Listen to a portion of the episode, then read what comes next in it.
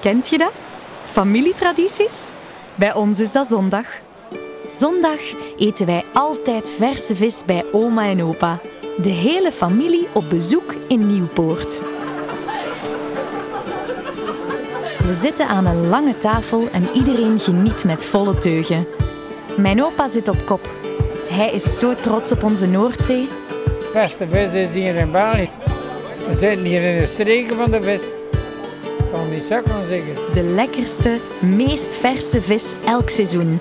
Dat is de essentie. Dan op het laatste moment met garnalen en een klein beetje room met eh, twee eieren. Mijn omaatje. Maar waar komt onze lekkere vis vandaan? En welke weg legt deze dagelijks af? Ik ben Line, 32 jaar, en om deze familietraditie te eren ga ik op zoek naar het echte verhaal achter onze Belgische vis. Vaart je mee? Dit is Van Boord tot Bord. In de vorige aflevering stak ik de handen uit de mouwen en ging ik met garnaalkruier Johnny de zee in. Klein beetje nat zijde wel, maar eh, dat is geen enkel probleem. Vandaag hou ik het droog. Maar het wordt daarom niet minder spannend. Ik ben namelijk op weg naar restaurant Julien in Nieuwpoort, waar zaakvoerder Wim en chef Emin mij maar al te graag ontvangen. Ik ben Line. Hallo. Dag Line, ik ben eh, Wim Rommens, eh, zaakvoerder van Julien in Nieuwpoort. En eh Emin is, eh, onze chef. Dag Emin. Goedemiddag, Line. En hoe is het hier? Goed, een goed service gehad vanmiddag. Vanmorgen met de mise en place begonnen, alles klaargezet. Een leuk service.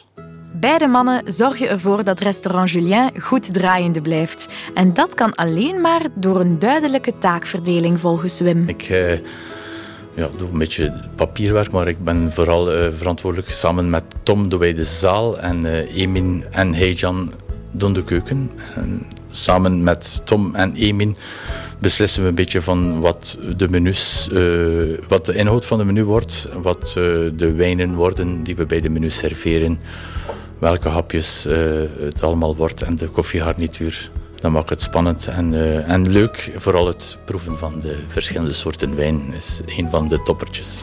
Dat kan ik mij wel voorstellen. Jullie serveren vooral vis, klopt dat? Goh, 90% is vis. Ik ben ook een vleeseter, daar niet van. Maar werken op zich met vis. Ik vind dat een dankbaar product. Ja, dat wordt wel vaak gezegd. En ehm, met welke vissen werk je dan vooral? Seizoensgebonden, dat is sowieso. En eigenlijk gewoon iets Noordzeevissen. Er zijn 220 eetbare vissoorten, enkel en alleen in de Noordzee. Dus keuze genoeg. Het moet niet altijd een sliptong zijn of, of een tarbot. En, en ik vind het ook heel erg jammer dat ik bijvoorbeeld in de viswinkels een tonijn zie liggen en zo'n ding.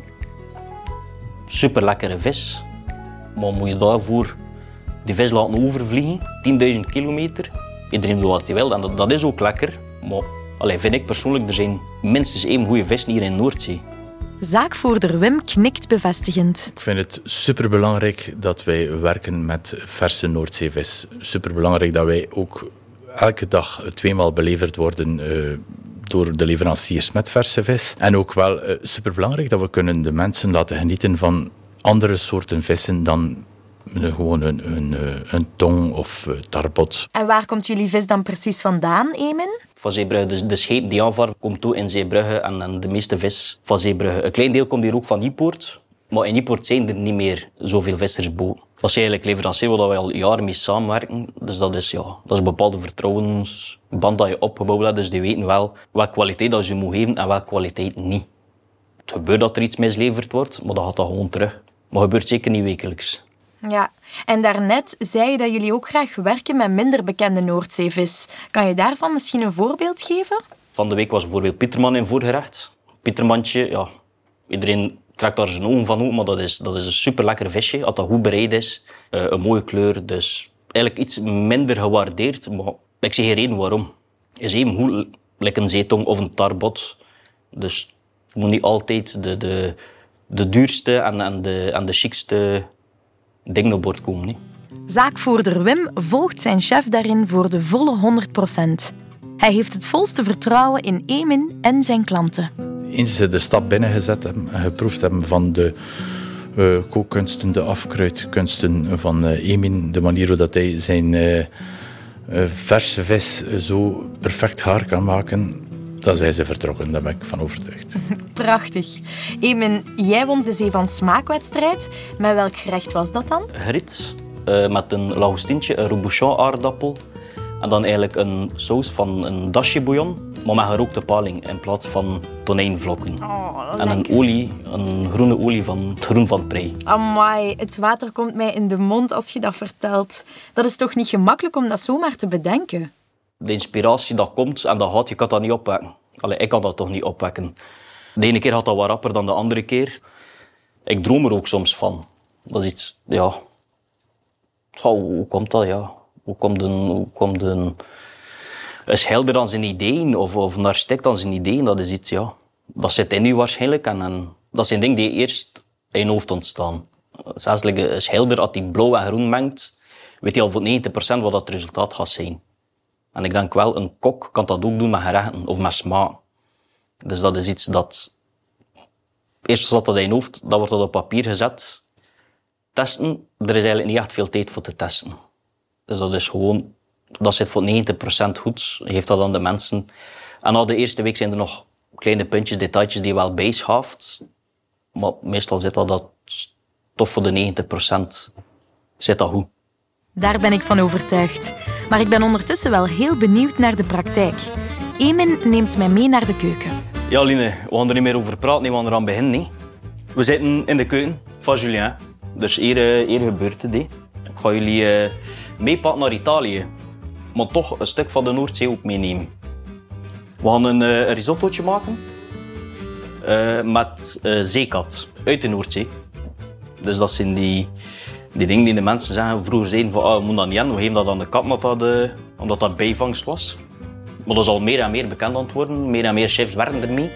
Dus we gaan dat vandaag ook doen. Zeekat, dat is een soort inktvis uit de Noordzee. Ik heb er al van gehoord, maar ik heb het nog nooit gegeten. Dus ik ben benieuwd. Aan de slag. Een klein beetje olie in de pan doen. Laat warm worden. Shallotje aanstoven. Samen met de risotto rijst dat die glazig wordt. Als die niet glazig wordt, als je hem eigenlijk gewoon direct gaat bevochtigen, gaat die krokant zijn aan de buitenkant, gaat die eigenlijk ja, niet goed zijn. De risotto is enkel en alleen lekker als die juist gehaard is. Een keer dat dat mooi aangestoofd is, gaan we dat bevochtigen. Maar we gaan dat doen met een dashi bouillon. Een dashi bouillon is een bouillon gemaakt van zeewieren. Natuurlijk, ook uit de Noordzee.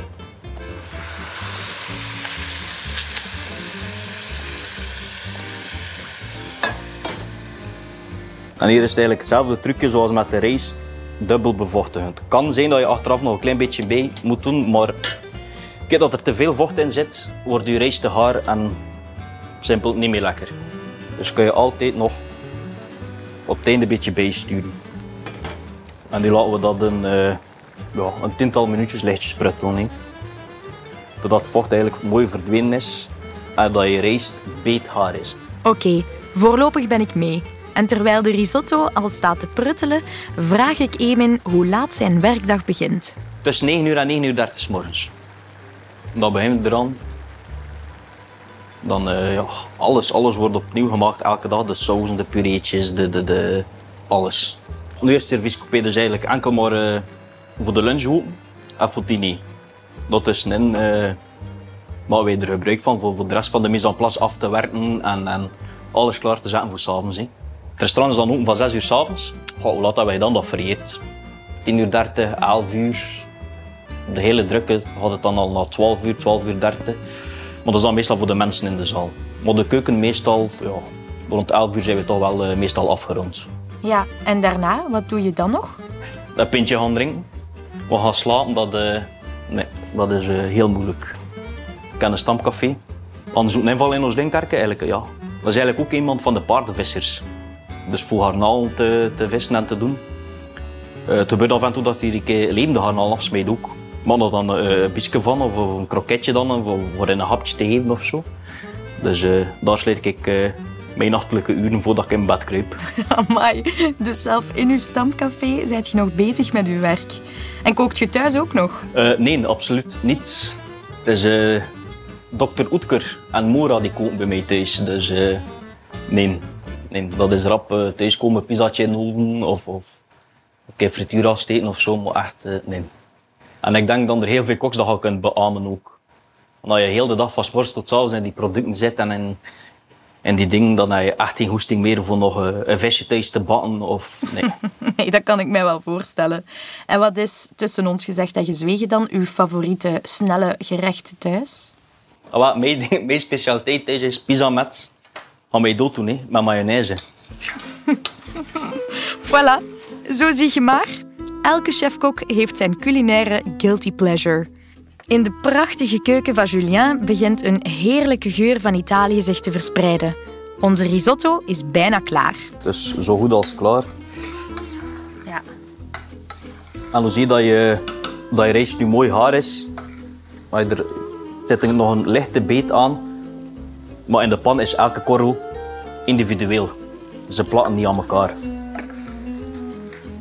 Je kan er eigenlijk in roeren, het wordt geen pap. Mm. Als dat je rijst haar is, ga je daar een goede klomp boter in doen. Maar dat is veel. Dat je eigenlijk een mooie, ja, een mooie massa, homogene, cremeuze massa krijgt. Ja. Dat die boter volledig mooi is weggesmolten. Zo lekker. Als we daar een uh, goede parmezaanse kaas bij doen, mag daar redelijk wat in. Mm. Ja. Doe maar genoeg. Mag je het vuur uitzetten, mooi ondermengen. Ja, oké, risotto check. De risotto even aan de kant en gaan we onze paddenstoel aanbakken. En we gaan daar uh, oesterzwam paddenstoel voor gebruiken. Ik denk wel voor de meeste mensen dat dat wel bekend is.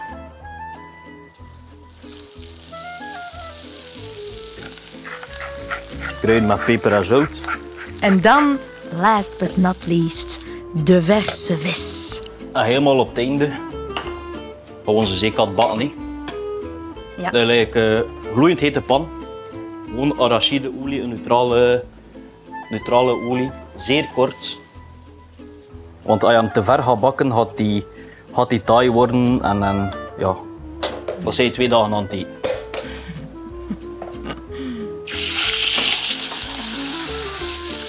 Hola. Voilà, hè, en dan gaat dat bord afwerkt niet. Ja. Onderaan wordt de risotto met de paddenstoel. Amai. Dat ziet er zo lekker uit. Daar bovenop de zeekat. Heel belangrijk, met de kop erbij. Ja. Gaan we een klein beetje afwerken met gerookt maldon zeezout. En daarna serveren we een saus, eigenlijk een dasje bouillon. Maar die we daar eigenlijk waarmee dat we de, de risotto mee bevochten hebben, maar daar ook saus van gemaakt met gerookte paling erdoor. Dus, en daarbij een, eh, Ja. een olie van het groen van het prei. Dus eh, in plaats van, van het prei weg te smeten, het groen, wat meestal gebeurt, maken we daar een olie van. Dus eigenlijk een bundeltje prei, een half liter eh, arachideolie. Ja. 75 gram, 20 minuten laten draaien. Passeren, klaar. Amai. Dat ziet er zo lekker uit. Maar ik zit hier nu met mijn bordje. Eamon, hoe doe je dat dan als professionele chef-kok? Uitleggen wat dat er allemaal op mijn bord ligt? Dus Line, ja, wat hebben we hier gemaakt? Een risotto met oesterzwam, daarbij zeekat en een dasje bouillon met eh, een olie van het groen van het prei. Ik zou zeggen, geniet ervan. Hè. Het zal nog niet zijn, amai. Dank u wel. Met heel veel plezier gedaan. Smakelijk, hè? En terwijl ik jullie in verleiding probeer te brengen met het heerlijke gerecht, komt zaakvoerder Wim ons opnieuw vergezellen. Hij vertelt me nog iets meer over de geschiedenis van zijn restaurant. Het verhaal achter Julien. We moesten een naam vinden voor een restaurant. Ik wou al lang mijn grootvader eren. Daarom hebben we nu gekozen om de zaak Julien te noemen. Dus naar mijn grootvader. Een leuke anekdote is, als de, eh, heren gaan naar het toilet, is de foto van Julien. Als de dames naar het toilet gaan, is bij mijn grootmoeder Agnès haar foto. Als mijn tante hier kwam helpen poetsen in 2019, net voor we gingen opengaan, zei ze van me mee zou moeten weten dat ze juist maar in de wc hangt. Dat zou niet wel zijn. En daarom heb ik in de zaal voor de zekerheid nog een trouwfoto van hen gehangen. Op die manier heeft ze een overzicht over de hele zaal. Dat lijkt mij inderdaad een goede beslissing. Mijn omaatje zou ook niet zo content zijn. En Wim, niet alleen de grote trouwfoto valt op in de zaal. Een van de trekpleisters in Julien is een lustre gemaakt door Walter Duportel uit het Gentse. Die luster is uh, volledig met blaasinstrumenten. En als ik de foto toonde aan mijn moeder dat we dat gingen hangen in Julien, zei ze van uw grootvader was ook hoornblazer in het leger. Dus op die manier valt de puzzel mooi in elkaar. Ja, dat is mooi. En jijzelf, Wim, ben jij altijd al een zeemens geweest? Ik ben eigenlijk een kind van de Noordzee. Ik ben geboren, uh, ja, geboren in Oostende. Ik ben altijd in uh, ik heb altijd in Nieuwpoort geleefd tot aan mijn negentiende. Ik ben dan negen jaar naar Gent verhuisd. Uh, schitterende stad trouwens, Gent. Ik heb daar gestudeerd en als student een beetje blijven hangen. Daar ook een horecazaak gehad. Maar toch, de lokroep van de zee was te groot en ik ben op die manier teruggekeerd. Emin daarentegen heeft niet altijd in de keuken gestaan. Hij had hiervoor nog een verrassende carrière. Voordat ik, de... Voordat ik naar de hotelschool ging, heb ik in de bouw gezeten. En ik dacht dat ik dat hier nog 30 jaar van mijn leven moet doen. Nee. En dan zijn ze thuis. Mijn ouders zeiden van, weet je wat, doe een keer hotelschool. Ah ja, ik zei, wat is dat? Ja, ja voor. Ik dacht eerst van, ja, moet je dat voor studeren? Ah ja, dan begin je daaraan. En ik ben zo iemand, ja, ik begin eraan, ik zie wel. En, en zo is die, die liefde gegroeid en, en, en, ja, vooral de passie daardoor gekomen. En dan nog op stageplaats te gaan en dan in zaken te gaan werken, dan, dan super hard, maar wel leerrijk. En je kunt er daar ook oh, totaal, totaal iets anders dan, dan het schoolleven. Maar dan leer je wel effectief hoe dat echt is. En kan je zelf beslissen van oké, nu doe ik verder of doe ik niet verder. Maar dat is iets dat mij aansprak. Ik weet niet, dat is iets, ja... ja een, een buikgevoel of een, of een gevoel dat je hebt van oké, dat zit hier wel goed, ik wil hier wel in verder. Ja. En, en is er iets wat je geleerd hebt in die stages wat je nooit zult vergeten? Ja, uh, van chef Cornelis Zaliger van hem heb ik wel iets opgevangen van de dag dat je tevreden bent, moet je stoppen. Een gerecht wordt, wordt gemaakt, wordt, wordt op bord gezet en dan, dan heb je wel van het is dat je zegt van oké, daar heb ik wel een goed gevoel bij, maar dat gerecht is nooit af, vind ik. Gewoon het niveau nog opkrijgen. Het niveau, want like dat ik zei, is kan altijd beter en je moet jezelf altijd blijven uitdagen, want anders ga je blijven stilstaan en dan je blijft stilstaan, ga je achteruit en dan is het, ja, dan is het om zeep. Het kan altijd beter, ook voor mij. Dus trakteert Emin mij nog op een laatste raad voor als ik zelf nog eens vis klaarmaak. Een visje op zich is goed, maar de garnituur, de saus is heel belangrijk. Een saus maakt of kraakt de gerecht, vind ik. En terwijl ik deze gouden raad ter harte neem, schraap ik de laatste restjes saus en zeekat van mijn bord. Een heerlijk gerecht en alweer een hartelijke ontmoeting. Met een volle maag sla ik de deur van restaurant Julien achter me dicht en ben ik helemaal klaar voor de laatste stop van mijn rondvaart. Het Maritiem Instituut Mercator in Oostende, waar de vissers van morgen worden opgeleid. Ik ga jou nu meenemen naar het lokaal praktijk nautische technieken, waar dat een aantal typische visserijvakken worden gegeven. Tot dan! Smaakt dit naar meer? Luister dan zeker naar onze zeven andere van boord tot bord verhalen of surf naar www.dekust.be voor meer informatie.